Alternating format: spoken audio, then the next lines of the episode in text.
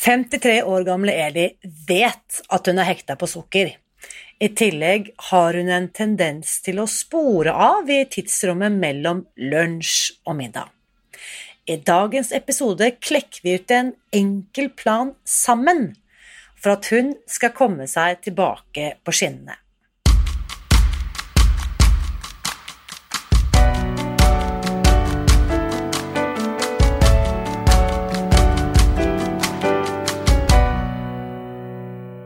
Mitt navn er Irina Li. Jeg er journalist og forlegger, gründer og sosialentreprenør. I 2015 spiste jeg meg fri fra overvekt og fedme etter å ha slitt med vekt, kropp og følelser i nesten 30 år. Etter at jeg fant oppskriften på å spise meg fri, ga jeg meg selv et nytt oppdrag å dele denne kunnskapen med alle som trenger det. I første sesong av denne podkasten deler jeg hele lydboken eh, Spis deg fri. Den finner du ved å bla deg tilbake til høsten 2019. Og hver uke inviterer jeg nå gjester som gir deg påfyll til hodet, hjertet og magen. For min visjon er å endre Helse-Norge, og det får jeg ikke til alene. Du kan bidra ved å abonnere på podkasten, skrive en omtale i iTunes og dele denne episoden med noen du bryr deg om. Da setter vi i gang med ukens episode. Eli er 53 år gammel og bor i Bærum sammen med mann og barn. I Spis deg fri-sammenheng må hun kunne kalle seg en veteran. Hun startet nemlig med Spis deg fri i april i fjor, og da gikk hun ned over 13 kilo og nådde sin målvekt. Likevel, som eh, selverklært sukkeravhengig og isoman, er det mange fristelser det er mulig å falle for, særlig i disse dager. Eli har eh, bedt meg om veiledning, og i dagens episode skal du få være flue på veggen når jeg hjelper Eli med å komme seg tilbake på riktig spor. Før du får møte Eli, skal jeg lese opp en tilbakemelding fra en lytter som kaller seg Ulydia. Hun skriver Lærerik og motiverende. Jeg har lært veldig mye av å lytte til denne podkasten. En helt annerledes bok enn de andre slankebøkene. Her lærer du om hvordan hjernen reagerer på maten vi spiser. Opplegget er også bærekraftig. Virkelig inspirerende å høre om alle suksesshistoriene. Gleder meg til ny podkast hver søndag, skriver Ulydia. Tusen takk for din tilbakemelding, og jeg gleder meg faktisk til hver søndag, jeg òg. Og ukens episode har jeg spesielt sett frem til. Her er Eli. Kjære Eli, velkommen til podkasten. Tusen takk. Jeg er veldig glad for at du har sendt inn et spørsmål og bedt om hjelp. Det vet du at jeg er veldig fan av, å be om hjelp når, når, eh, når jeg trenger noe jeg lurer på, eller svar på noen spørsmål. Fordi Før vi hopper inn i spørsmålet ditt, Eli, som jeg vet at veldig mange andre stiller seg eh, i disse dager, så må vi jo si litt om hvordan vi to kjenner hverandre. Vil du begynne? Ja. Um, jeg så deg på TV første gang, Irina. Uh, jeg tror det var en sånn God morgen-sending på TV 2 hvor du snakka om eh, spis deg fri. Jeg tenkte at den dama der er spinn gæren, må jeg ikke la være å spise sukker. så jeg tenkte at dette var litt sånn for ekstremt for meg, men så hørtes det veldig sånn forlokkende, så jeg kjøpte boka da. Eh, og leste den og tenkte at eh, nei, dette her er ikke noe for meg. Hvor langt tilbake er vi da, Eli? Når er dette? Ja, det må jo bli to år siden i år, i hvert fall. Så da er det snakk om våren 2018? Ja. Mm. Og så, ja, så leste jeg boka på sommeren, og så En liten avstikker, da, men jeg var hos tannlegen høsten 2018. Og så ser tannlegen på meg når jeg lå oppi stolen her, og så sier jeg litt sånn alvorlig 'Har du vært syk, Eli?' Og så sier jeg nei. Nå har du gått hos meg i 25 år, og du har vel knapt hatt et hull, og nå har du seks hull samtidig. Og jeg skjønte jo ingenting. Og så kom jeg hjem og så begynte jeg å tenke hva er årsaken til at jeg har så mange hull? Og det var jo fordi at vi hadde fått så gode karameller på jobben. Så jeg gikk jo, Og jeg tok ikke én og én karamell, jeg tok en neve om gangen. Mm. Knaska og spiste, så mine tenner den nedre, Det var nede jeg hadde fått hull. da. De tenna nede de hadde ligget og svømt i sukkervann den, i eh, et helt år nesten da jeg kom til tannlegen.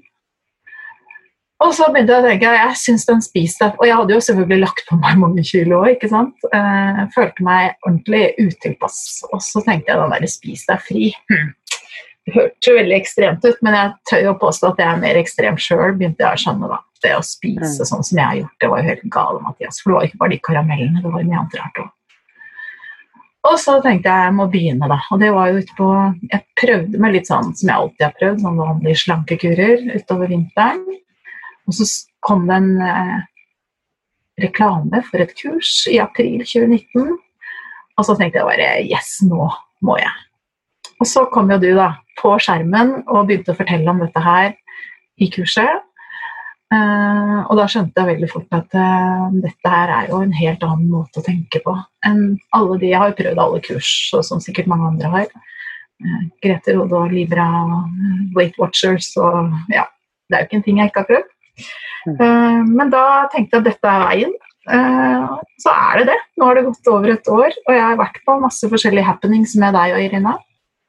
Eh, og føler at jeg er ikke i mål i forhold til å bli slankfri og lykkelig, som liksom er litt sånn målet der langt framme. Men jeg er veldig godt på vei. og har noen utfordringer da, som vi skal snakke om her i dag. Ja, fordi bare sånn eh, Det var morsomt at du nevnte disse med dette med på en måte live events, da, hva heter det? Liksom ekte arrangementer på ekte, holdt jeg på å si, i virkeligheten. Mm. For jeg husker jo veldig, veldig godt eh, egentlig første gang vi møttes, det var i juni i fjor, 2019, Mm. da vi hadde denne sommerfesten vår. Og eh, altså, du, du er jo fargerik. Bare nå har du jo på deg en oransje topp som bare s- popper ut av skjermen her hvor vi møtes på Zoom, men du er også utrolig sprudlende og fargerik, så jeg husker deg og det møtet vårt veldig, veldig, veldig godt. Og ikke minst så husker jeg din fortelling om det tannlegebesøket som du også delte med meg når vi møttes første gangen. Mm. Hva var det den tannlegeregningen kom på, Eli? Disse seks hullene i underkjeven.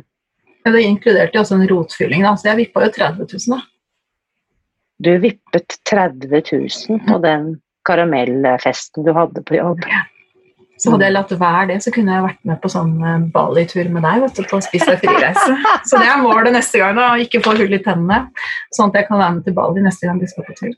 Jo, fordi eh, ok, Bali er jo veldig, skal vi si, eh, en eh, helt spesiell og unik opplevelse som vi har arrangert for første gang i år. Jeg håper jo for guds skyld at, det, at verden ser så bra ut og er så friskmeldt at vi kan ha en tilsvarende tur i 2021.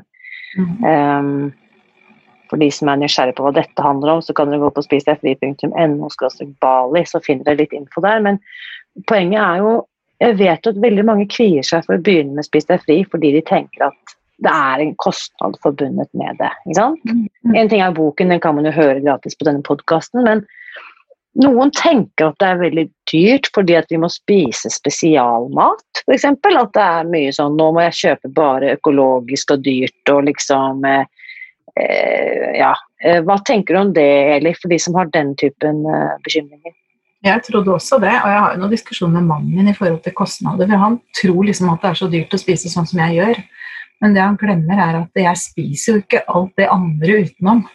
Så jeg kjøper ikke potetgull, og jeg kjøper ikke alle de tinga som jeg før kjøpte, da, i store mengder. Eh, Så nå har jeg de tre måltidene å forholde seg til. Og grønnsaker er jo ikke akkurat det dyreste du kjøper i butikken. Og det er jo ikke noe krav om at det skal være økologisk, eller altså All maten jeg spiser nå, er jo helt vanlig mat som fås i enhver dagligvarebutikk i hele Norge. Eh, Så det er ikke noe hokus pokus. Og det er morsomt, fordi at det, det var en dame som skrev til meg en gang. Jeg har spart 10 000 kroner i måneden på å kutte ut den caffè-latten på vei til jobb og hvetebollen på vei hjem og ikke sant, trepakken med ditt og datt og fempakken med sjokolade og alt det vi unner oss, da, i gåseøyne. Mm. Eh, Så én ting er tannlegeregningen, det er ikke sikkert alle eh, har hatt eh, den erfaringen, men jeg tror veldig mange opplever at det er mer penger igjen på det kortet, fordi det går så mye ubevisst i alle de småkjøpene som du er inne på, da, som vi ikke lenger driver med. når vi legger. Men også må jeg bare spørre, for det vet jeg ikke om jeg har spurt om før. Hvor gammel er du, Ellie? Jeg blir snart 54. 54. Mm. Eh, fordi det er også noe som er relevant. ikke sant? Det er sånn, ja, ja, men Dette funker sikkert for de som er 20, eller dette funker sikkert for de som er 60. eller... Men hvordan ser livssituasjonen din ut? Du har jo en ansvarsfull jobb, vet jeg. Mm. Eh, du har jo nevnt ektefellen din. Eh, har du barn? Ja, vi har fire barn til sammen. Men de har stort sett flyttet alle sammen, så de begynner å bli Ja. store. Så studerer jeg litt ved siden av, da. Så det er jo liksom travle, travle dager. Ja, Mm. fordi det er også en ting folk tror at det, Herregud, det der spis deg fri-greiene. Ja, jeg kunne hatt råd til å være med på det og kan, kunne betalt de tusenlappene det koster å gå på kurs, men jeg har jo ikke tid. Hva tenker du da, Eli? Ja, altså det, um, det som tar tid, er vel egentlig som alt annet du har lyst til å bli god til. Eh, det er å forstå uh, og hvordan du skal bli god til det. Uh, sånn at det å lage denne maten og gjøre de greiene der, er ikke noe big deal. Altså jeg bruker, før så fikk jeg aldri spist frokost. Jeg slang i meg et eller annet, uavhengig av hva det var. Men nå spiser jeg jo samme Jeg tror jeg har spist kanskje ti ganger avvik fra den frokosten siden jeg begynte på Spis deg fri i mai i fjor. Uh, men jeg spiser Irina-rundstykker, som vi kaller det, til frokost. Det er helt, jeg elsker det rundstykket, med masse deilig pålegg på. Uh, for det er jo liksom en halv proteinrasjon som er til frokost ved siden av rundstykket. da. Og så spiser jeg frukt. Når jeg har god tid, så lager jeg meg en liten fruktsalat. Så jeg koser meg med frokosten min. Mm. Og det er ikke noe dyr frokost, og det går fort å lage det. Men det er, jeg tror det som tar tid, som jeg tenker at jeg har brukt, og jeg bør bruke tid på, er å lære. Eh, følge med på lyd, altså den podkasten din til Susan. Lese.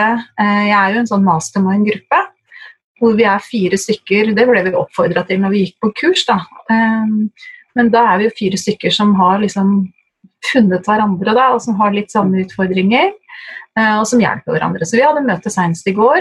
Eh, Vi har hatt møte nå, vi snakka faktisk om at dette var vel første eller andre gangen siden nyttår vi ikke har vært alle fire samtidig. For det er liksom, det hender jo ja, at det blir litt sånn at noen ikke kan eller er bortreist. Men det er først andre gangen, tror jeg, at vi ikke har vært alle fire samtidig på et halvt år.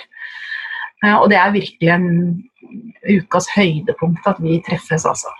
Fantastisk.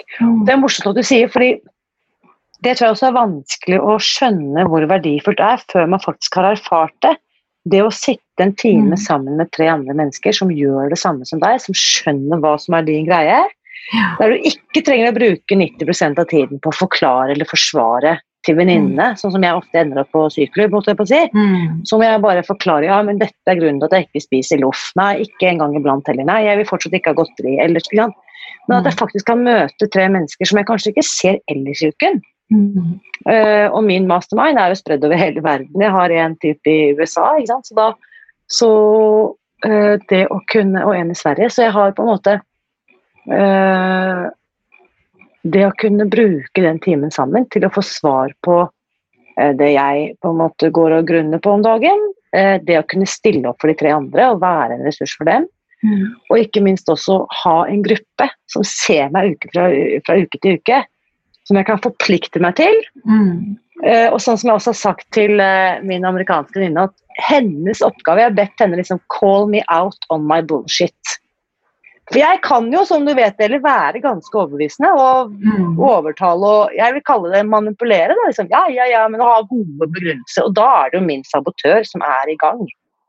Ja, men Eli, du skjønner at grunnen til at jeg må gjøre unntak fra matplanen nå, det er fordi at bam, bam, bam. Og da tenker jeg når hun, masterminden min kan si sånn Irina, det der er bullshit. Mm. Det er, nå er du langt ut på viddene. Mm. Og der er faktisk eh, eh, mer kunnskap faktisk av og til en svøpe. Fordi all den kunnskapen jeg tilegner meg, den får jo sabotøren min også. Ja, ja. En sabotør blir jo smartere og smartere på å lokke meg ut Mm. på, på viddene. Mm. Jeg tror det viktigste jeg fikk Altså, jeg leste jo boka før jeg gikk på kurs, eh, men det jeg fikk av det kurset, var på en måte En ting var at det var en forsterkning, at du forsto hvordan ting alt som sto i boka, men alt det andre som jeg leste her på Spis deg fri på Facebook at det var noen som syntes liksom, det var ikke bare den maten, det var så mye annet rart, og så skulle du begynne å meditere. Og så, så tenker jeg at Det jeg har lært, er jo at det er så mange ting som påvirker hvordan jeg spiser. Og nå er det sikkert ikke alle sånn som meg, da, som kanskje sliter litt med at jeg klarer altså er, Jeg er ikke sånn som noen tror at verden er. Jeg er ikke sånn som bare kan la være å spise det jeg ikke skal ha for å bli tjukk. Um, og det er flere enn meg som er sånn. Og vi som er sånn, jeg tenker at vi trenger å finne ut hva det er altså hva, er det som påvirker meg og min kropp og min syke uh, som gjør at uh, jeg ikke klarer å spise det jeg, jeg er superekspert på. Jeg veit jo nøyaktig hva jeg skal spise. Mm. Men jeg, har ikke, jeg har ikke hatt de rette verktøyene til å liksom få det til. Mm. Eh, så jeg tenker at den, den, eh, det grunnkurset som jeg gikk, var en slags sånn treningsleir i å bli selvstendig på å utforske videre. da.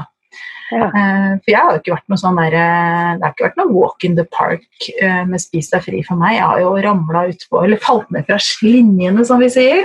Stadig vekk, jeg. Men jeg klarer å holde vekta. Jeg har ikke fått alle disse koronakiloene som mange andre har hatt. Det snakka vi om på mastermangen i går. at vi var ganske fornøyd med at ingen av oss har fått noen koronakiloer, i hvert fall. Mm. Vi har faktisk Utrolig. klart å holde oss der og fulgt hverandre opp, og ingen har liksom gått opp. Uh, og når jeg ser meg rundt, så ser jeg at det er mange som har gått opp i løpet av disse månedene som vi har hatt hjemmekontor og liksom levd litt annerledes. da. Så jeg, jeg føler at det jeg har fått, er og det jeg har brukt tid på, er på en måte å bli litt um, sånn som det er når du er forelska, vet du. Litt sånn frelst. Uh, uh, at du på en måte gjerne vil ha mer av det, og du vil lære mer, og du vil liksom være i kontakt med det. For det, det er liksom flokken din, føler jeg, da. Den mm. Spis deg fri-gjengen. Den følelsen kjenner jeg meg veldig godt igjen i. den der, jeg, jeg, kan ikke få nok, fordi at denne kunnskapen er jo som du sier innledningsvis, at du er på en måte en evig student, eller glad i å lære, og dette er jo livslang kunnskap. Eh, hva visste vel jeg om hvordan jeg håndterer stress når korona inntreffer? Jo, det vet jeg nå, for nå har jeg faktisk erfart det. Det kunne jeg kanskje ha en teoretisk forestilling om for et år siden, men det er først nå at jeg faktisk med tyngde kan si sånn uh, takler jeg en pandemi. Uh, mm. Og det var ikke pent, alt det som skjedde i løpet av de ukene. for å si det sånn. Men jeg hadde Jeg må bare vise det her, fordi at innimellom så drikker jeg jo yogi te, Ikke at det er noe, uh, dette var ikke reklame for yogi-te, men der er det jo alltid en sånn lite visdomsord på denne lappen. Ja. Mm. Så i dag, dette syns jeg var veldig treffende, siden du og jeg møtes her nå. Og der står det Nå ser du ikke det, men det står også Experience will give you wisdom. Mm. Det syns jeg var et utrolig klokt eh, En klok påminnelse fra Yogi T. Experience will give you wisdom, og du har holdt på nå i ett år og to måneder, eh, Eli. Halvannen måned. Mm. Ett år og halvannen måned. Du, altså hvor mange, hva slags resultater kan vi først ta en oppsummering av det? Hva er det du har oppnådd i gåsehudene i løpet av disse, dette første året? Jeg hadde jo ikke noen store utfordringer annet enn vekt. Eh, så jeg har gått ned eh, ja, fra jeg begynte på kurs, 13,5 kg. Men så har jeg liksom Jeg hadde liksom målet der jeg er nå. Men nå har jeg liksom begynt å tenke at eh, jeg har jo egentlig lyst til å gå ned litt til. Da. Og hvis jeg sier det til folk, så tror de jo jeg er klin gæren. ikke sant? Men de ser jo ikke meg, bare trusa. uh, sånn at disse jentene som er i mastermind-gruppa, de skjønner jo hvordan jeg tenker. Og jeg tror andre som har slanka seg og kommet dit Jeg trodde jo ikke det var mulig å komme ned i den vekta jeg er i nå, egentlig. Når var det du veide 13,5 kg? Eller var noe, uh, uten at du trenger nødvendigvis et tallet, men når var det sist i livet ditt du veide det antall kilo du veier i dag? Ja, det gjorde jeg faktisk i 2014. Ja, ok. Uh, ja, ja. Så det er på en måte Det var mer bare at jeg klarer ikke å holde meg. Jeg slanker meg, og så går jeg opp, og så slanker jeg meg, og så går noen måneder, og så har jeg gått opp igjen. Uh, men jeg fant jo Jeg fikk noen bilder av mannen min fra 2009, og da veide jeg vel kanskje 20-25 kilo mer enn nå. Mm. Jeg, var Jeg sendte det til jentene i mastermind-gruppa, men det burde egentlig vært sletta fra jordens overflate, de bildene. Men det er godt Jeg tenker det burde vært delt med hele verden, sånn som jeg ja, har gjort.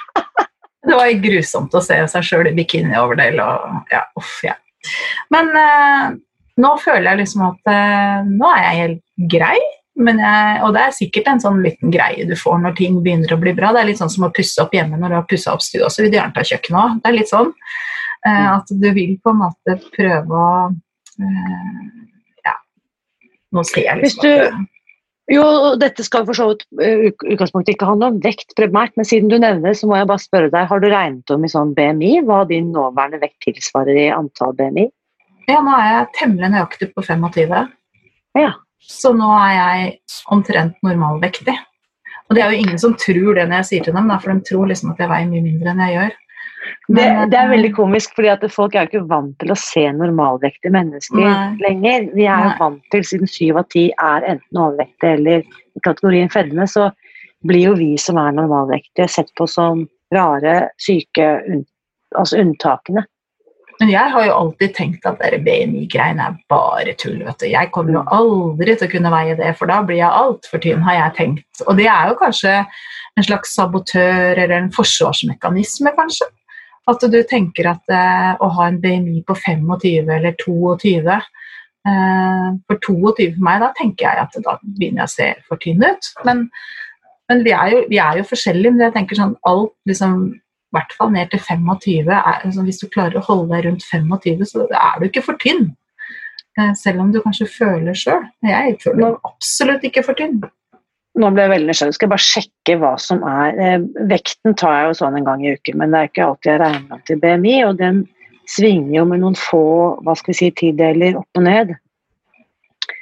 Eh, skal vi se, da. Ja, ikke sant. I dag er min BMI, eh, denne dagen hvor dette spilles inn, 21,99. Ja.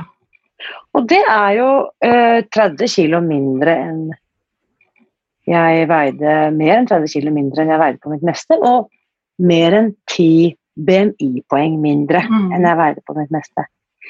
Og, øh, og det jeg bare vil si til deg, Eli, uten at det skal være noe retningsgivende for din Det som er så genialt med Spis er at det er du som bestemmer hva du vil Mm. veie. Mm.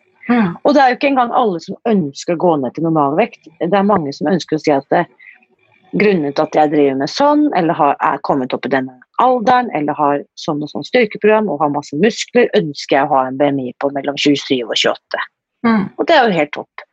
Uh, og andre sier jeg ønsker å veie det jeg veide da jeg giftet meg som 25-åring, og da var jeg, veide jeg 65 kilo og følte meg helt fantastisk. Så eh, vit at dette tallet også endrer seg over tid. Mm.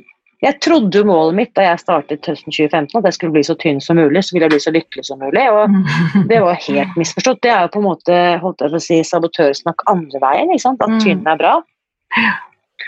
Og, og Susan Pure Samson, du nevnte det innledningsvis, dette slagordet hennes om å bli slank, lykkelig og fri. Eh, Happy, thin and free, som hun på en måte mm, hadde som sin slogan i, lenge, i lang tid. Hun har jo senere sagt at det kan kanskje få noen til å tro at det er snakk om at lykke og sinnes, han, altså at slankhet og lykke henger sammen. Mm. Og, og det har, måte, har hun på en måte i gåsehudene tatt selvkritikk for. Da. Jeg vet at hun snakket om at hun skulle finne et nytt motto for, eh, for Bright Line Eating. Jeg har ikke fått med meg helt hva det er blitt i så fall, men jeg skjønner hva hun snakker om. At jeg blir slank og lykkelig og fri. Og for min del så er det denne friheten som er alfa og omega. Hadde jeg visst at jeg garantert kunne beholde friheten min selv om jeg gikk opp 10 eller 20 eller 30 kilo, så hadde nesten ikke de kiloene betydd noe lenger. Men den friheten, den smaker så godt at den vil jeg ikke bytte bort mot noen ting. Altså For meg så handler det om å Jeg kan liksom gjøre alt fysisk som jeg vil. Om jeg vil klatre opp på Kolsåstoppen, som er i nærheten her jeg bor, så gjør jeg det. Og om, jeg kan gjøre alt. Jeg har ingen begrensninger sånn fysisk. Men det viktigste er kanskje det at du eh, kan gå inn i en klesbutikk og uten å gå og lure på om de har klær som passer til deg. Mm. Eh, at du føler deg som en sånn sprengt kalkun. Mm. og det å kunne gå og kjøpe klær i 36 og 38, det er jo helt det er en lykkefølelse, det òg. Selv om du kan si at det er litt sånn overfladisk, sikkert, så er det det der å føle seg fin har mye å si i forhold til alt annet du driver med, tenker jeg. Så Og du har jo delt noen bilder underveis i kursgruppene, Eli, hvor du liksom, bare de stillbildene hvor du er i alle mulige slags Står på henda på stranden i Syden og altså du er jo Ja, jeg, jeg ser at du er på en måte nyforelsket i Nyforelsket i deg selv, er det liksom too much, eller? Men altså, i hvert fall i jeg føler meg ikke så forelska i meg selv, men jeg tenker at eh, jeg har liksom Jeg har turna da da jeg var ung. Og jeg har jo alltid slått hjul og stått på hendene, og når jeg har tatt meg en fest, så blir jeg litt sånn eh, Da turner jeg litt. Eh, men så er det sånn Det er på en måte De jeg kjenner som er gamle, som fortsetter å gjøre ting de alltid har gjort hele tida, de tenker at det er sånne gamle mennesker som jeg vil bli. Altså Yes. eh, spreke mennesker som er 85 år, det syns jeg er kult. Ja, Og så tenker jeg at De har jo ikke blitt det av seg sjøl. Så tenker jeg, ok. Og de jeg har snakka med, de sier bare at nei, men jeg har alltid gjort det, eller jeg har alltid holdt på med det. Eller så tenkte jeg ok, men jeg kunne godt tenkt meg å vært en 85-åring som sto på hendene, at folk syntes jeg var klin gæren, og det syntes jeg var helt supert. Så tenkte jeg, da kan jeg aldri slutte å stå på hendene, da må jeg fortsette med det. Og det er litt sånn med mye her i livet at hvis vi klarer å liksom holde helsa vår sånn at vi er ja, føler oss fri til å gjøre det vi har lyst til, da. Så tror jeg vi har det mye bedre. Så det er faktisk litt av motivasjonen min. Å kunne gå i en bikini på en strand uten å føle at du bare ikke har det bra. Og stå på hendene hvis jeg vil det. Jeg syns det er en kjempemotivasjon. Jeg bare ber deg hegne om den. fordi at Hvis andre sier at det ikke er bra nok å ha som motivasjon, så tenker jeg at du har i hvert fall én heiagjeng her borte hos meg. Ja, det er bra. Eh, Eli, jeg skal nå lese opp spørsmålet du har sendt inn til denne podkasten, så skal vi dykke ned eh, i det. Er du Mhm. klar? Jeg er klar. Eh, du har skrevet her eh, Ja, men det var da så Nå hadde jeg det akkurat oppe her, og så spratt den videre. Skal vi se, da. Ai, ai, ai. Ja, altså, disse Google-dokumentene lever jo sitt eget liv, men jeg har den her et øyeblikk nå. skal vi se. Uh, mm. Eh, og jeg, Grunnen til at jeg ville snakke med deg om dette dag, Eli, det var jo nettopp dette at uh, vi går inn i sommeren, og da er det mange som kjenner seg igjen i det du har spurt om. Du stiller her. Jeg har to utfordringer. Sukkeravhengighet og tiden mellom lunsj og når det nærmer seg middag. Jeg må lage en strategi for å komme i mål uten å skli ned fra linjene i den tiden. Ikke sant? Og så som du har vært inne på allerede, du gikk på kurs i 2019 i april og har gått ned to gått ned 13 kilo. Kan vi bare for enkelhets skyld, eller ikke at det endrer så mye, men kan vi si at du har nådd målvekt? Eh, hvis det skulle på en måte Og så kan vi det å snakke om hvordan du kan gå ned ytterligere to eller tre kilo, det blir på en måte en annen samtale, men nå Ja, kommer ja. vi på sukkeravhengighet Ja. og denne sulten mellom lunsj og middag. Kose Så øh, la oss ta det første først. Hvordan utarter denne Hvordan kommer denne sukkeravhengigheten til syne hos deg? Um, først og fremst med at jeg sliter med å si nei. Og det er ikke det at folk kommer og prakker på meg sukker. Eh, det er nok å gå forbi smågodthylla i butikken, liksom. Eller isdisken. Eller å ha noe liggende hjemme i skapene som er NMF, altså Not My Food. Eh, det kan være Jeg har bestemt meg f.eks. når jeg skal på venninnetreff eller andre steder hvor det blir satt fram boller med sånne små smågodter. Eh, så er det som sagt til meg sjøl at jeg skal ikke ha. Men så opplever jeg at jeg tar allikevel. Eh, Det er som sånn om du på en måte er uten den frie vilje. Den frie viljen er på en måte tatt jeg fra deg. klarer liksom ikke å stoppe det, og så sitter det en sånn liten eh, ja, sabotør da, og sier til meg at det er ikke noe farlig om du tar én, jeg Men hvorfor er det, hvorfor kan du ikke bare det? da? Hvorfor kan du ikke bare ta en, Eli? Jeg har aldri klart å ta bare én, jeg, Grena. Hva skjer da? Jeg blir bare superstressa. Jeg blir sånn at jeg Jeg må liksom Det er akkurat som at eh, det er sånn, Når jeg først har satt én, så må jeg ha flere.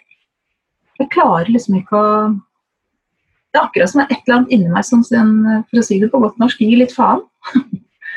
At jeg Det er ikke vilje igjen, liksom, til å si nei. Um, jeg har jo klart det i lange perioder å la være. Det er akkurat som at når jeg først får smaken på det så er det liksom ikke bare å ta sånn Noen jeg kjenner, kan jo bare ta en, en liten smågodt, og så er de ferdig med det og har bare smakt. Det er jo sånn jeg ikke tenker er mulig. Fordi at da er jeg litt sånn Altså, jeg, jeg spiser jo smug òg. Jeg veit jo at jeg ikke skal gjøre det, så jeg spiser i bilen min, f.eks. Uh, jeg, har, jeg har gjort noen rare ting noen greier som jeg lurer på liksom, Hadde folk visst det, så hadde de trodd jeg var klin gæren. Men så veit jeg at flere er som meg, da. Men uh, jeg kan etter en periode ha vært kjempeflink uten å spise noe smågodt f.eks., så kan jeg tenke at nå har jeg vært så flink så lenge at nå må jeg få litt. Og så er jeg på butikken, og det er jo ikke så mange som kjenner meg, liksom. Eller jeg kan, være, kan dra på en butikk ingen kjenner meg, jeg. Og så kjøper jeg bare, kanskje bare fem biter. Så tenker jeg at fem biter gjør ikke noe. Og så tenker jeg ah, jeg kan jo ikke ta med den posen som den ligger i, for alle skjønner jo at det er smågodt. Den kan jeg jo ikke ta med hjem eller legge igjen i bilen, for da ser mannen min eller ungene mine det. Så da tar jeg altså de bitene og så putter jeg dem i lomma og så kaster jeg posen på butikken. Så drar jeg hjem, og så har jeg klart å spise dem opp før jeg kommer hjem. Og det er jo helt, altså det eneste jeg lurer meg sjøl. Men det skjer. Og det skjer, og det skjer, og det skjer. Uh, så det er på en måte en sånn Om det er en tvangshandling, eller hva det er, det veit jeg ikke. Men det er sånn Jeg har ikke klart å koble det til om jeg er spesielt stressa eller om det er noe jeg er lei meg for. og sånn, Men det skjer jo veldig ofte i den der når jeg handler, og det er ofte etter jobben og før middag. ikke sant? Um, så det har vel en mistanke.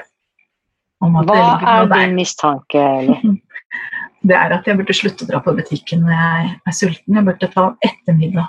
Altså jeg burde reise på butikken enten om morgenen etter den fantastisk deilige Irina-rundstykkefrokosten min, eller etter jeg har spist middag. For da tror jeg ikke det er så lett å uh, ramle utpå. Ok, nå skal jeg stille et ledende spørsmål. Ja. Hva er det eh, Susan Pearce eh, sier, og, som har skrevet boken 'Spis deg fri', eh, så du trenger ikke ha gått på kurs for å ha fått med dette. Hva er det hun sier om denne viljestyrken vår? Er det en uendelig ressurs, eller er Nei, det, det er jo en ganske begrensa ressurs. Mm. Det er litt sånn eh, du har bare en viss dose av det. Mm. Eh, Husker du noen eksempler på hva som kan tappe det batteriet? Hva som kan gjøre at du på en måte blir lavere på viljestyrke? Altså det første jeg husker når jeg begynte å lese boka, var at det sto at du ikke skulle trene, f.eks. For eksempel, mm. fordi at det tappa viljestyrkebanken din. Eh, så det var jo en av de tingene som gjorde det egentlig ganske attraktivt å begynne på å spise deg fri. For jeg tenkte at det er en av de tingene jeg har visst før at gjør at jeg blir sulten. Mm. Eller eh, legging av unger er en viljestyrkefelle. Eller krangling med noen. Eller eh, at, i, altså, at det er mye stress og mas. Eh, men det er jo også bare det å sitte og planlegge alt du skal spise om dagen i resten av dagen, er jo også en vilje altså, det, tar, det, det, krever noe av deg. Jepp. og det som faktisk krever vanvittig mye kognitiv bandwidth, altså båndbredde, Mm. Det er å ta valg. Mm. Vi, vi driver jo og gjør valg hele tida. Og saken er det, ikke sant? nettopp. Og når du forteller om din jobb eh, Du har vel noe mellomlederansvar, har du ikke det? Eller du har noe lederansvar innimellom, i hvert fall? Ja, på litt forskjellige områder. Så, ja. ja, ikke sant? Så det du fyller din arbeidsdag med, er i stor grad, vil jeg tippe, da, nå har jo ikke jeg vært mellomleder noen gang, eh, ikke en sånn virksomhet som du jobber i, men du tar valg hele forbanna dagen, eller? Det verste er at jeg gjør på fritida, for jeg driver og pusser opp. Og vi gjør jo så mye rart hele tiden. vet du. Vi, altså, vis meg hvordan du lever i én del av livet ditt, så kan jeg fortelle deg hvordan resten av livet ditt er. Det er ikke noe rart at mm. jeg både er hun som står forrest i, i frivilligkøen når vi skal ha dugnad, og jeg tar jo på meg styrelederansvaret i gården, og jeg er jo korpsmamma, og jeg er jo dugnadsdame på ikke sant? det er jo ikke sånn at jeg sitter og er hyperaktiv på jobb, og så går jeg hjem og så er jeg sofapotet resten av døgnet. Vi er jo sånn vi er i alle rom vi går inn i. Mm. Og jeg husker også hvordan du på en måte på denne sommerfesten i fjor, rakk opp hånden og meldte deg og bar stoler og hjalp til. Og, ikke sant? Typ. og det er en fantastisk ressurs, Eli, men jeg tenker også at da må du ta ekstra hensyn. Og før du skal passe på alle valg alle som skal tas, at alle får det de trenger, så tenker jeg at her må Eli rykkes opp fra tiendeplass på prioriteringslisten, opp rett inn på førsteplass. Udelt førsteplass. Du må inn på pallen, øverst på pallen, Mm. og da tror jeg ting vil falle på plass dette for deg. Mm. Fordi Hva vil det innebære? Du var inne på to ting tidligere. Kanskje handle på et annet tidspunkt av døgnet. Hvordan er det- Ja, Hvordan er det mulig for deg å gjennomføre en så konkret løsning? Nei, altså delegering er jo en fin oppgave også. Altså en måte å gjøre løst på. Jeg trenger jo ikke gjøre all den shoppinga. Nå er mannen min veldig flink til å bidra med det, det er ikke det. Men det kan godt tenkes at eh, man kan handle en dag i uka eller to isteden. Eller eh, spise, eh, sørge for at du handler på andre tidspunkt, da. For det er de, det er de nå løsningene.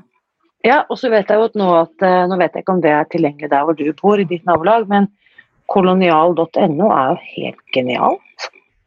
Jeg har en sånn vegring mot det. Da, det er mulig at der kom, da blir det veldig synlig hvor gammel jeg er. Da. Men jeg tenker at eh, og Det er kanskje en del av sjuken, da, men da planlegger jeg jo for å, at ting skal gå gærent ved at jeg liksom lurer meg sjøl til at jeg må på butikken sjøl.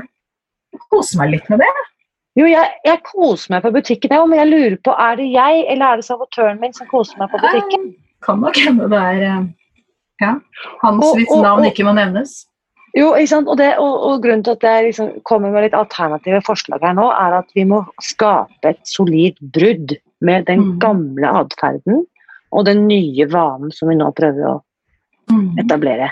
Mm. Så jo mer forskjellig eh, dette er, desto større er det at du på en måte bygger inn en ny rutine. Mm. Så f.eks. Eh, det du sier, gå og handle rett etter frokost. Eh, det jeg gjør Nå skjer det unntak for at jeg glemmer listen, men jeg går aldri på butikken uten en handleliste.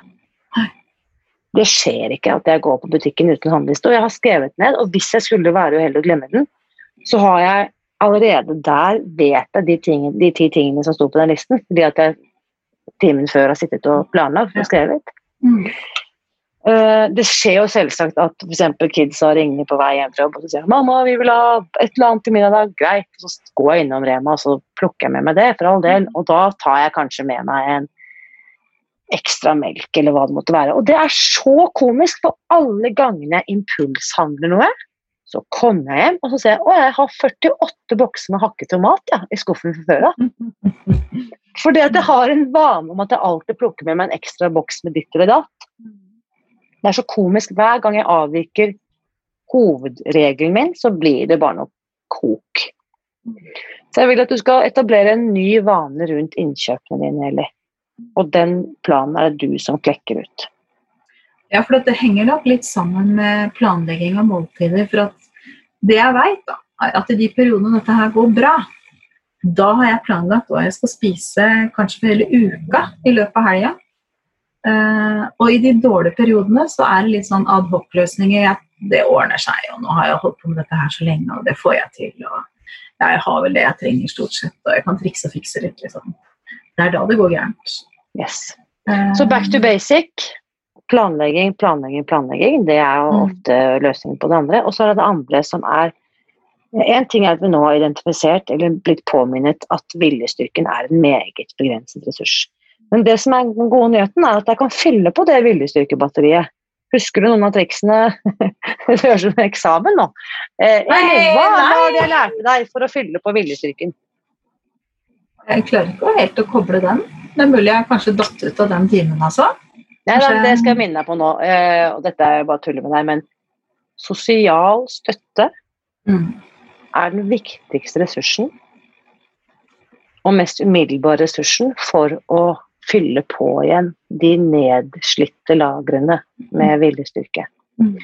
Så i det jeg, og dette for eksempel det du har gjort nå, sant, skrevet inn til podkasten og bedt om hjelp, er en fantastisk, et fantastisk eksempel i praksis da, hvordan dette kan gjøres. Mm. Ja, jeg svarer på spørsmålene dine, men hvis du hører etter hva jeg sier, så er det egentlig ikke jeg som gir deg svarene. Det er egentlig du som gir deg svarene dine. Mm. Og grunnen til at du har muligheten til det, er at jeg stiller deg noen spørsmål. At jeg kan være her som en sosial støtte for deg. Mm. Så det er ikke det. Veldig mange tenker at å herregud, nå er jeg kommet ned til vedlikehold og jeg skal, er ferdig med vekten en gang, og nå funker ikke dette, for nå går jeg opp igjen. Nå må jeg ut og finne en annen løsning. Nå må jeg prøve en ny kur, ny pulverkur. Nå har det dukket opp et eller annet nytt der borte i Sarpsborg som ser interessant ut. En eller annen tarmskylling, bla, bla, bla. Poenget er at alt funker hvis du bare gjør det. Mm. Og det som gjør Spis deg fri så u, altså, utholdelig for meg, grunnen til at jeg orker å gjøre det år etter år etter år, etter år, er at sosial støtte og det vi gjør her i fellesskap, er en så stor og viktig del av det. Mm. Ja, jeg, jeg, jeg ser jo at de tinga jeg lærte på kurset, dem kan jeg jo. Men det er jo ikke alltid jeg praktiserer like godt. Eh, Så den der erkjennelsen av det, og være villig nok til å gjøre det. For det er klart at eh, det der å En av de tingene jeg syns var mest ekstremt det første, var jo det å ikke spise sukker, f.eks. Altså at alt skal jeg aldri kunne spise en is igjen. Skal jeg aldri kunne spise lakris igjen. Altså, det er litt sånn Men så har jeg funnet at jeg kan ikke gå rundt og tenke på det. Jeg har jo slutta å røyke en gang. For 17 år siden. Og det var umulig helt til du klarte det. Ja, altså, Hadde det vært like lett å slanke seg som å slutte å røyke, så skulle jeg ikke vært noe problem, i hvert fall. Det var jo easy-peasy. Eh, Men Spis deg fri er litt det samme. Sånn som jeg slutta å røyke, er litt samme metoden jeg slutta å røyke med. Det er rett og slett eh, kunnskap og, og heie på seg sjøl og få noen som følger deg, på en måte. Yes. Og eh, sant, det, Da har vi snakket om eh, eh, planlegging, og så snakket vi om sosial støtte. Og så er det tredje momentet som henger sammen med sosial støtte, nemlig forpliktelse. La oss si at du og jeg er buddies. Mm. Hvis jeg sender en melding til deg, Eli, og skriver deg nå skal jeg på butikken, her er handlelisten, knipse, knipse, sender deg et bilde av den. Jeg lover deg, Eli, at jeg ikke skal kjøpe noe annet enn det som står på handlelisten. Høres jo helt barnehage ut, men er, vi er her. Ja, vi er En del av hjernen vår er faktisk på barnehagestadiet. Vi må bare omfavne dette lille barnet, og så må vi jobbe sammen med det. Så nå har jeg sendt deg en melding, Eli, og sagt Eli, jeg skal på butikken nå etter jobb. Dette handlelisten har skrevet. Lover deg at jeg ikke skal kjøpe noe annet. Jeg har forpliktet meg nå til deg. ikke sant? Og uansett om du leser den meldingen, eller svarer, eller tomler opp, eller hjerter, eller hva du gjør, så sender jeg deg en kvittering når jeg går ut fra den butikken, der jeg skriver 'Oppdatering'. Kan herved kvittere ut at jeg har holdt min forpliktelse til deg. Mm. Det er et så heftig verktøy at hvis du ikke har prøvd det, så vil jeg på det varmeste anbefale deg å gjøre akkurat det jeg sa nå. Hvordan tenker du det høres ut? Vi gjør det til en viss grad uh, i den mastermind-gruppa. Vi har en veldig levende tråd som uh, noen burde tatt en kikk på, for det er helt fantastisk å lese det som står der. Uh, det står de utroligste ting. Men jeg er ikke sikker på om vi gjør det i stor nok grad, og kanskje ærlig nok. For det vi har snakka litt om, er at det, hvis det går for gærent, så er vi ikke flinke nok til å være ærlige. Da lar vi heller bare være å si det. Det var vi enige om at det var litt dumt. Så akkurat denne uka her har vi faktisk en sånn skrifteavtale skriftavtale om at vi skal forplikte oss overfor hverandre. Da. Og her er det også veldig, Jeg elsker jo ærlighet, og jeg digger jo på en måte at vi kan snakke så åpent og ærlig om disse tingene. Samtidig er det to typer ærlighet. En ting er å være ærlig på hva jeg har gjort, hva jeg gjorde liksom til lunsj i dag. Mm. En annen ting er å være ærlig nok til å si at nå har synden begynt å jobbe her i bakhodet, jeg har allerede bestemt meg for ikke sant? Være i forkant på ærligheten, da. Mm. Eller være ærlig nok til å si at på dager som dette, hvor alt har bare gått på tverke på jobb, så vet jeg at faren er stor når jeg nå beveger meg inn i nærbutikken min. Så jeg tar liksom føre var-prinsippet. At jeg kan kjøre en sånn forpliktelsesmelding til mine tre nærmeste, eller min nærmeste buddy, eller ja. Jeg hadde faktisk eh, Her i våres så hadde jeg en strategi hvor jeg hadde en notat på telefonen min, for telefonen er jo alltid tilgjengelig. Nå hadde jeg et notat som jeg oppdaterte som het eh, 'Destruktive tanker om mat'. Og så skrev jeg klokke, datoen, og så skrev jeg bare 10.05. Nå hvor jeg tenker at jeg har lyst på det og det og det. Men det skal jeg jo ikke ha. Og så brukte jeg en av disse mantraene vi lærte på kurset. At du lager deg mantraer som sier at 'dette er ikke min mat', eller 'takk og pris, så skal jeg ikke spise det her, for dette blir jeg syk av', eller 'æsj, kjeks er vondt'. Litt sånn. Mm. altså det å finne på en måte mantraer som passer, da. Så brukte jeg på en måte det notatet og skreiv. Og det som var rart, var at de første to-tre dagene som jeg førte inn i det dokumentet, så hadde jeg kanskje en åtte-ti sånne dropp om dagen hvor jeg hadde liksom tanker om mat som, eller snop eller whatever som ikke skulle vært der. Men i løpet av en tre-fire dager så forsvant de tankene. Fantastisk. det er akkurat som at eh, det at jeg blei litt flinkere for hver dag, smitta og gjorde at jeg forplikta meg mer overfor meg sjøl. Nå hører jeg jo Jeg hører jo egentlig at jeg forteller meg sjøl hva jeg skal gjøre nå. Du gjør jo det. Gjør Du har jo fasiten. Du sitter jo med på en måte Du har jo, kan se tilbake på din egen erfaring og, ved, og og, bare kopiere hva du gjorde i de periodene hvor det gikk bra for deg. Mm. Jeg vet at du har stilt to spørsmål. Dette var fantastisk, Eli. Takk. Du er en klok, klok dame. Eh, Det kan jeg bare eh, hilse og si. Skal vi se. Jeg skal ta eh, Vi må i hvert fall få lov til å si litt om det andre. Eh, utfordringen er også eh, tiden mellom lunsj og middag. Hva skjer der? Eh, Jeg antar at du beskriver sult mellom lunsj og middag. Ja, nei, det er egentlig, Jeg tror kanskje det som skjer mellom lunsj og middag også, er den viljestyrkefella eh, som jeg går i da. Fordi jeg spiser frokost og jeg spiser lunsj etter boka. Um, og så kommer jeg hjem, og så har jeg kanskje ikke vært flink nok til å planlegge middagen. Yes. Så, Så vi er egentlig inn- Det er, det er egentlig samme problemstillingen, fordi at jeg bruker Og så er jo egentlig Det tror jeg kanskje mange kjenner seg inn i, men nå er jeg litt sånn Jeg veit at jeg skal ha Jeg har delt grønnsakene mine til lunsj og middag i to, sånn at jeg spiser ti ost til hvert måltid. Det gjør det veldig lett når jeg skal fryse ned og forberede mat og sånn. Men det gjør jo at jeg er veldig bestemt på hvilken mengde grønnsaker jeg skal ha. Og det er klart at um, utfordringen for andre her i huset som skal, skal lage middag, da, er at eh, de har ikke under huden åssen jeg vil ha det. Yes. Sånn at det blir jo fort litt sånn at jeg faktisk må lage middag for at jeg skal få det jeg vil ha. Her har jeg et godt tips til deg, Eli. Ja. Og det er følgende.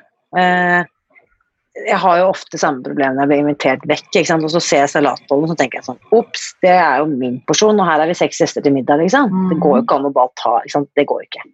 Så la oss si at uh, sønnen din eller datteren din eller ektefellen din har laget uh, middag, og du ser at her er det for lite. Da lar du det være som det er, og så sørger du for at i din grønnsakskopp i kjøleskapet så er det alltid et eller annet fastfood-grønnsaker, og min go-to der er gu- gulrøtter. Fordi du kan ha liksom to skrelte gulrøtter, så er det oppe i fem-seks ounces. Eh, sånn at du kan bare supplere ditt måltid når de dagene kommer at du ikke er nok til deg. Så slipper du å lage hele middagen. Da kan de stå og holde på med kylling og fisk og kjøtt og grønnsaker og poteter og hva de har, og så supplerer du med enten to skrelte gulrøtter eller en neve cherrytomater, eller, som jeg også er mer og mer glad i, hermetiske grønnsaker som du spiser kaldt. Ikke ut av boksen, men det finnes masse gode hermetiserte grønnsaker. Så da vil jeg oppmuntre deg til å utforske litt i hermetikkhyllen. Men utfordringen er egentlig større enn som så. du, for at Én ting er at det ikke er nok grønnsaker, men når den middagen er en eh, big one pizza Ja da, ok. Det, er, det er litt sånne utfordringer, fordi at det er ikke Ja, det er sikkert mange som er liksom mat er mat. Blir mett. Det skjønner jeg. Og da tenker jeg at kanskje er det mulig å si sånn til folkens Ikke når du da står eh, fem på fem og du har kommet hjem og der står big one på bordet. Da er det ikke det tiden for å ta den samtalen. Men la oss si søndag formiddag da, ved, ved den lange søndagsfrokosten si sånn Folkens, jeg har tenkt på en ting. På torsdag hadde vi jo big one. Uh, og jeg vet at dere elsker Big One. På de dagene hvor vi har avtalt at en av dere skal lage middag, kunne det være mulig at vi da også sørger for å ha noe Eller at dere i hvert fall gir meg beskjed om at jeg må ordne min egen mat den dagen. Så Skjønner jeg mener? At vi på en måte har den samtalen i forkant. Mm. og be om litt kjærlighet, tålmodighet og forståelse for at uh, mamma i denne perioden av livet er nødt til å ta hensyn til helsen. Og da snakker vi den fysiske helsen, den mentale helsen, den følelsesmessige helsen. ikke sant? Utfordringen er jo at jeg har dårlig med troverdighet på det området her. For jeg har jo aldri vart så lenge som jeg har gjort nå. Altså sånn i forhold til å Jeg har jo tenkt å spise sånn til jeg blir en ellevill dame på 95. Altså jeg skal spise Spis deg fri så lenge jeg lever, fordi at jeg kjenner at det er bra for meg. Mm. Så for dem så er det jo ikke nå bare snakk om en liten periode det ikke er big one på bordet. det er jo på en måte litt sånn For meg så er det ikke mat. Nei, og, og, det er interessant du sier, for det får du ikke de med på. Nei, jo, for dem er det mat. Og jeg tenker også Når barna mine vil ha Big One, så tenker jeg at den matgleden skal de få beholde. Mm. Og, så samtidig det å møte andre mennesker med respekt og empati, det er en egenskap alle mennesker vil ha godt av. Så hvis du må overdrive da, si at tenk hvis mamma hadde fått nøtteallergi, eller blitt glutenintolerant, eller blitt utviklet cøliaki, så hadde jo dere vet jeg liksom brydd dere om meg og gjort det dere kunne for å gjøre det så godt dere kunne. Så det jeg ber dere om nå, kjære familie, er å skjønne at dette er viktig for meg. Og så kan dere tenke om det hva dere vil. Dere vet, jeg finner alltid på noe nytt, men jeg er nødt til å få dere med på laget for å få til dette, folkens. Er det en samtale du kunne hatt med dem? Eller spille ja. denne podkastepisoden eh, sånn uh, hint, hint? Ja, De kommer til å få sjokk når de hører at mamma har vært med på en sånn en, men det får bare stå sin prøve. Vi får bjuda på det vi kan. Eli, uh, av denne samtalen vi har hatt i dag, hva tar du med deg? Hva har vært spesielt verdifullt for deg? Vi snakker ofte om det i kursgruppene. Din takeaway. Hva er det som har vært viktig for deg å høre i dag? Um, det at jeg faktisk har kunnskapen, men uh, ikke er så flink til å anvende bestandig. Um, det at Det at jeg må planlegge Altså at jeg faktisk må planlegge, da. At det er på en måte en nøkkel til suksess for meg. Eh, og så må jeg nok eh, bli flinkere til å ikke bare høvle over familien min og si at sånn skal vi ha det, men heller prøve å få dem til å forstå hvorfor det er sånn. For jeg er jo litt sånn som deg, at jeg har jo alle gode argumenter for jeg, hvordan jeg vil ha det. Um, um, men det kan hende meg litt lei alle disse påfunna. De ser jo på det som litt påfunn. Jeg må nok kanskje bli litt uh, ja, jeg må nok Hvordan jeg kommuniserer um, mitt behov for å spise sånn som jeg gjør, er nok en nøkkel her. Mm. Fantastisk. Er det én ting av de mange gode forslagene du selv har kommet med, som du har lyst til å forplikte deg til å gjøre? Bare én.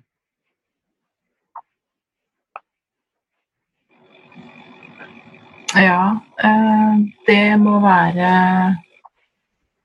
planlegging av måltider. For det veit jeg at kanskje er den lavest hengende frukten som funker. Mm. Fantastisk. Til de av dere som hører denne episoden, gå inn i den åpne Facebook-gruppen vår, Spis deg fri, og gjør akkurat det Eli gjorde nå. Skriv en takeaway og skriv en forpliktelse. Det funker, altså. Det funker. Mm. Eh, jeg vil bare si tusen, tusen takk for samtalen, Eli. Jeg ønsker deg en fantastisk god sommer. Og så skal vi sjekke inn med hverandre underveis og høre hvordan det går. Og så You got this! girlfriend.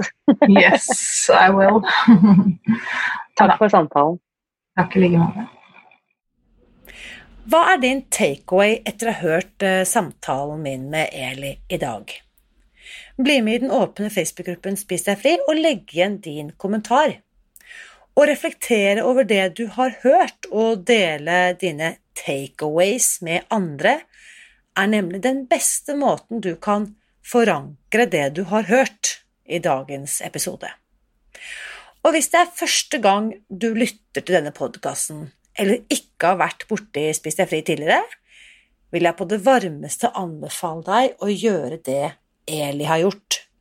Start gjerne med å lese boken eh, Spis deg fri, og akkurat nå kan du laste ned de første kapitlene til denne boken helt gratis ved å gå til www.spisdegfri.no minibok. I neste uke, da skal du få møte en av verdens fremste pusteeksperter.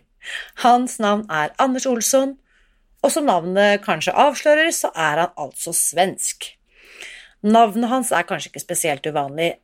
Det jeg derimot kan love deg, er at de eksperimentene han har gjennomført på seg selv for å forske på pust, de er høyst uvanlige.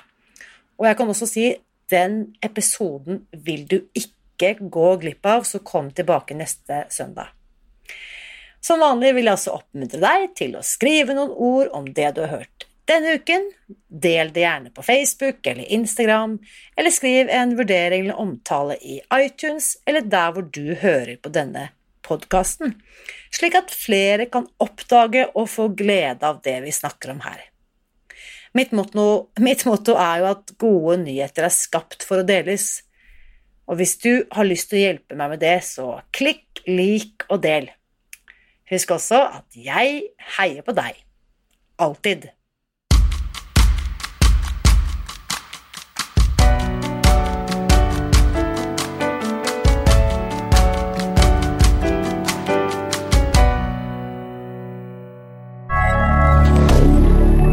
Media.